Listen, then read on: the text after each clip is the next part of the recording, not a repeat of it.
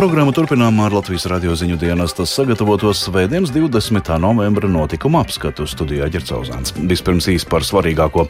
Apšaudītā Zaporīžijas atomelektrostacijas apkaima Ukrainā. Apšaudē Krieviju un Ukrainu vaino vienotru. ANO klimata konferencē vienojas par fondu, kas kompensēs nabadzīgām valstīm klimata pārmaiņu radītos postījumus.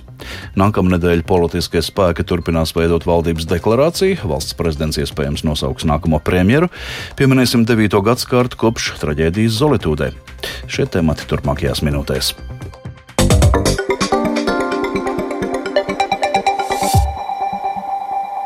Krievija un Ukraina vaino vienu otru Zaporīžijas atomelektrostacijas apkaimes apšaudīšanā. Tiek ziņots, ka atomstacijas tuvumā sprāguši vismaz 12 raķešu lādiņi. Izdevums The Washington Post ziņo, ka Krievija plāno sākt ražot Irānas dronus. Pēdējā laikā Krievijas armija tos plaši izmanto Ukrainas apšaudīšanai. Jaunāko informāciju apkopojas Arķems Konohaus. Satraucošas apšaudes šajā nedēļas nogalē ir notikušas Zaporīžijas atomelektrostacijas tuvumā. Starptautiskās atomenerģijas aģentūras speciālisti, kas atrodas stacijas tuvumā, ir sacījuši, ka sestdien un svētdien ir notikuši spēcīgi sprādzieni. Kā zināms, Zaporīžas atomelektrostacija ir lielākā Eiropā. Problēmas tajā var radīt liela mēroga katastrofu. Krievijas armija apšaudēs vaino Ukrainu, paziņojot, ka tās spēki turpina nodarboties ar provokācijām.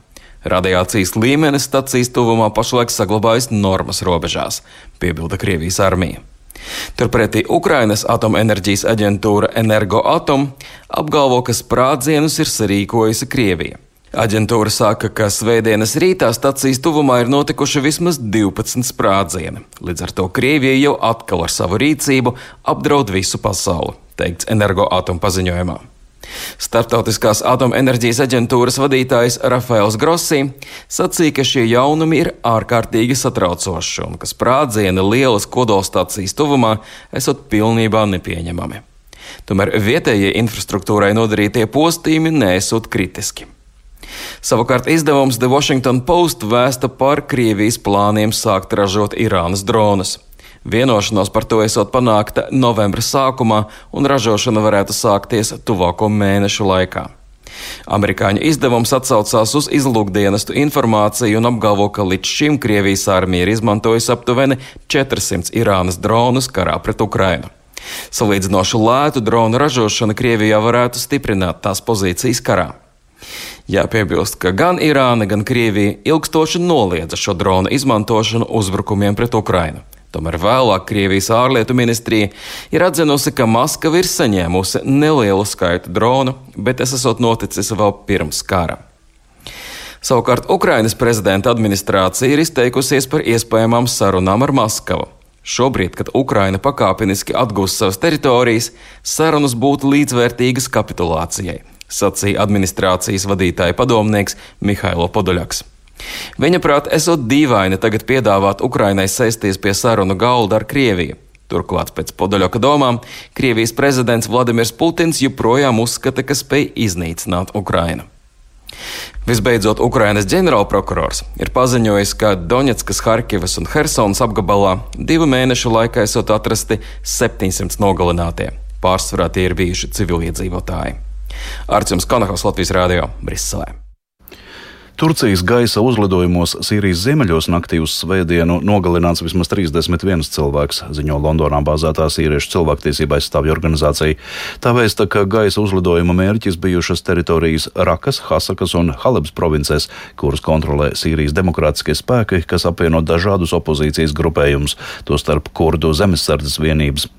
Cilvēktiesība aktīvisti ziņo, ka Turcijas gaisa triecienos nogalināti vismaz 18 Sīrijas demokrātisko spēku kaujinieki un 12 12 Sīrijas prezidenta Bašara Lasada režīmam lojālie karotāji, arī kāds žurnālists. Kā šorīt Twitterī paziņoja Turcijas aizsardzības ministrija, pienākusi atmaksas stunda par Stambulā sarīkoto teroraktu. Pagājušā svētdienā sprādzienā vienā no Stambulas iepirkšanās ielām tika nogalināti vismaz seši, ievainoti vairāk nekā 80 cilvēku, un Turcija šī terorakta organizēšanā apsūdz kurdu separātistus. Kazahstānā šodien notiek pirmstermiņa prezidenta vēlēšanas. Viss liecina, ka pie varas arī turpmāk paliks līdzšinējais valsts vadītājs Kasims Žomarts Tokājevs. Turpin Artums Konohaus. Takājus mēģina sevi pasniegt kā reformātora, kurš ir uzsācis Kazahstānas demokratizācijas kursu. Tomēr kritiķi saka, ka visas svarīgākās varas sviras joprojām atrodas prezidenta rokās. Tomēr turpmāk prezidents tiks ievēlēts nevis uz diviem piecu gadu termiņiem, bet gan vienreiz uz septiņiem gadiem. Līdztekus Takājevam par prezidenta krēslu cīnās vairāki mazpazīstami kandidāti. Nevienam spēcīgam opozīcijas politiķim netika atļauts reģistrēt savu kandidatūru vēlēšanās. Par to Kazahstānu kritizē starptautiskie novērotāji, tostarp Eiropas drošības un sadarbības organizācija. Ir apcietināti arī daudzi aktīvisti.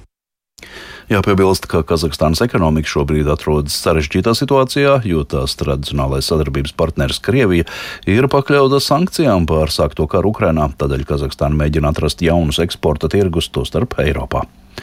ANO klimata konferencē Eģiptē gandrīz 200 valstu pārstāvji aizvadītajā naktī ir spējuši vienoties. Nozīmīgākais sasniegums ir īpaša zaudējuma atlīdzības fonda izveide, kas ļaus bagātām valstīm kompensēt nabadzīgām valstīm klimata pārmaiņu radītos postījumus. Tomēr apņēmība atteikties no fosilajiem kurināmajiem, tostarp oglēm, joprojām nav pietiekami spēcīga. Stāst Arķems Konohaus. Eiropas Savienība ir piekritusi priekšlikumam izveidot īpašu zaudējumu atlīdzināšanas mehānismu, kas palīdzēs nabadzīgām valstīm tikt galā ar klimatu pārmaiņu radītajām sekām. Tomēr vidas aktīvisti saka, ka šī nauda var tikt izmesta vējā, ja kopā ar to netiks samazināti izmeši un fosilo kurināmo lietošana.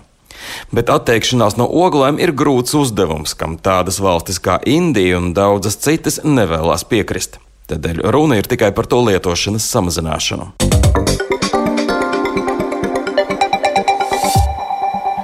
Nākamajā nedēļā politiskie spēki turpinās veidot valdības deklarāciju, un valsts prezidents iespējams beidzot nosauks nākamo ministru prezidentu. Tāpat nākamās nedēļas sākumā pieminēsim 9. gadsimtu kopš traģēdijas Zolitūdē.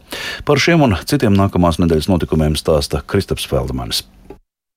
Nākamajā nedēļā, līdzīgi kā jau daudzas nedēļas pirms tam, 14. saimā ievēlētie politiskie spēki, kuri vienojušies par iespējamu koalīciju, turpinās darbu pie koalīcijas pārunām un valdības deklarācijas izstrādes.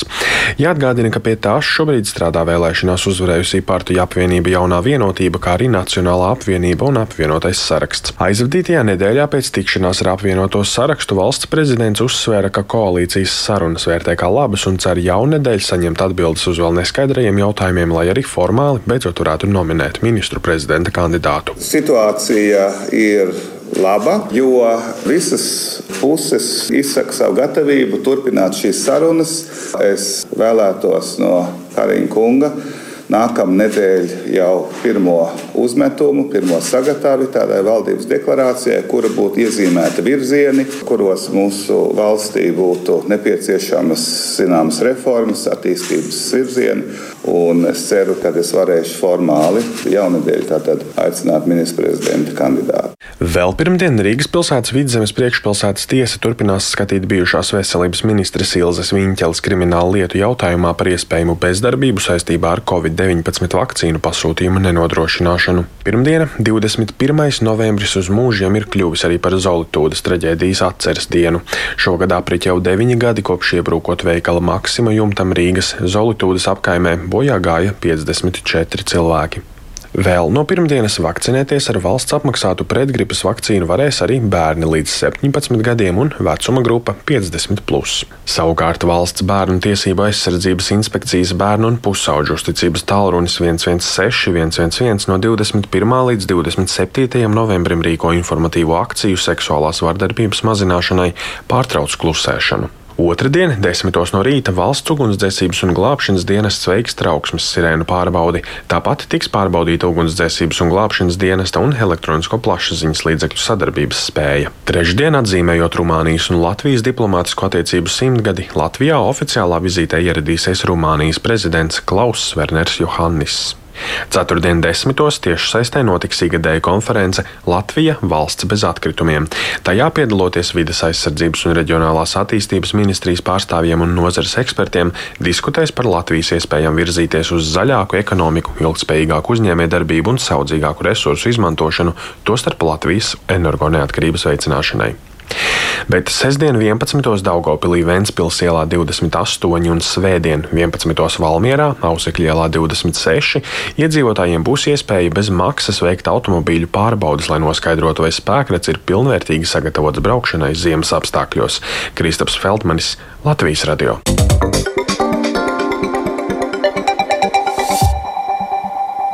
Šodien liels notikums pasaules sportā. Katarā ar atklāšanas spēli sākas pasaules kausa futbolā. Šodien tiks aizvadīta tikai viena spēle, bet turnīrs pa īstam ieskrēsies nākamnedēļ, kad iesaistīsies visas izlases. Par galvenajiem jaunumiem pasaules kausa atklāšanas dienā, kā arī par notiekošo citos sporta veidos, stāsta Māris Bergs. Katarā šodien sākas pasaules kausa futbolā, un svinīgajā atklāšanas spēlē mājinieki Kataras futbolisti spēlē pret Ekvadoru. A grupā šīs divas izlases uzskatāmas par izteiktām pastarītēm, jo Senegāla un Nīderlande, kam savstarpējā spēle plānota rīt, noteikti liekamas augstākā plauktā. Līdzjutējiem Katarā jāsamierinās tikai ar bezalkoholisko alu, kas izraisīs veselu skandālu, taču tādi šoreiz noteikumi konservatīvajā Arābu zemē. Runājot par favorītēm, kārtējais nopietnais Pirmais trieciens pašreizējiem pasaules kausa čempioniem Francijai. Treniņa laikā traumu guvis Karims Benzemā, kuru nesen atzina par pasaules labāko futbolistu. Viņš būs spiests izlaist visu turnīru. Pirms pasaules kausa galveno favorītu loma tiek atvēlēta Brazīlijas izlasē, bet par futbola lielāko trofeju pilnīgi reāli var pacīnīties vismaz septiņas, astoņas valstis. Tātad šodien Katarā tikai viena spēle, bet jau rīt tiks aizvadīti uzreiz trīs mači.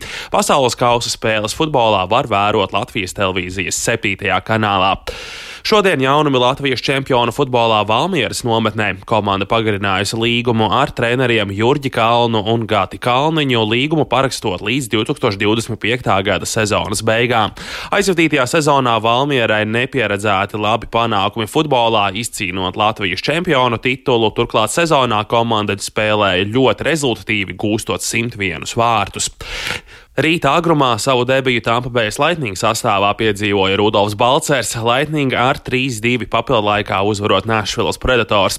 Latviešu hokejists uz ledus gan bija tikai 8,5 minūtes, taču pusotru minūti uz ledus viņš pavadīja mazākumā. Balcers statistikā neatzīmējās ne ar ko ievērības cienīgu. Balcers intervijā spēles pārtraukumā izteicās, ka Lightning spēlētā sistēma nav kardināli atšķirīga no tā, ko viņš spēlējis iepriekš. Klausāmies Rudolfa Balceru. Really practice, so, uh, but, uh, yeah, to... Īsti nav bijušas iespējas patrenēties, bet vienkārši cenšos. Pagaidām liekas labi. Sistēma nav ļoti atšķirīga no tā, pie kā biju pieradis. Jāspēlē vienkārši. Uzdevums ir būt agresīviem īstajā brīdī, jābūt agresīviem, kad varam izsist ripu. Svarīgi bloķēt metienus un izmest ripas no zonas. Pirmajā periodā bija zināmas problēmas, bet otrajā ripas labi izmetām no zonas, kas ir galvenais. Centāmies izspēlēt ripu līdz tukšiem vārtiem, bet viņi viņu vārdsargs neticami atvairīja metienus. Vārtu priekšā jāizsadz redzamība, jāmet ripas pa vārtiem un agri vai vēlu tās lidos iekšā. Citā šī rīta NHL mačā Teodors Bļūgers un Pitsburgas Penguins ar 3-0 apspēlēja Vinipēkas džēts.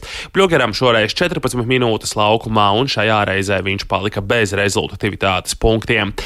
Eiropas kausa posmā Bobslejā Emīls Cipulis kopā ar stūmējiem Dāvis Prīņģi, Edgaru Nēmi un Matīsu Mikni izcīnīja otro vietu, mūsējiem abos braucienos uzstumjot labākos starta laikus.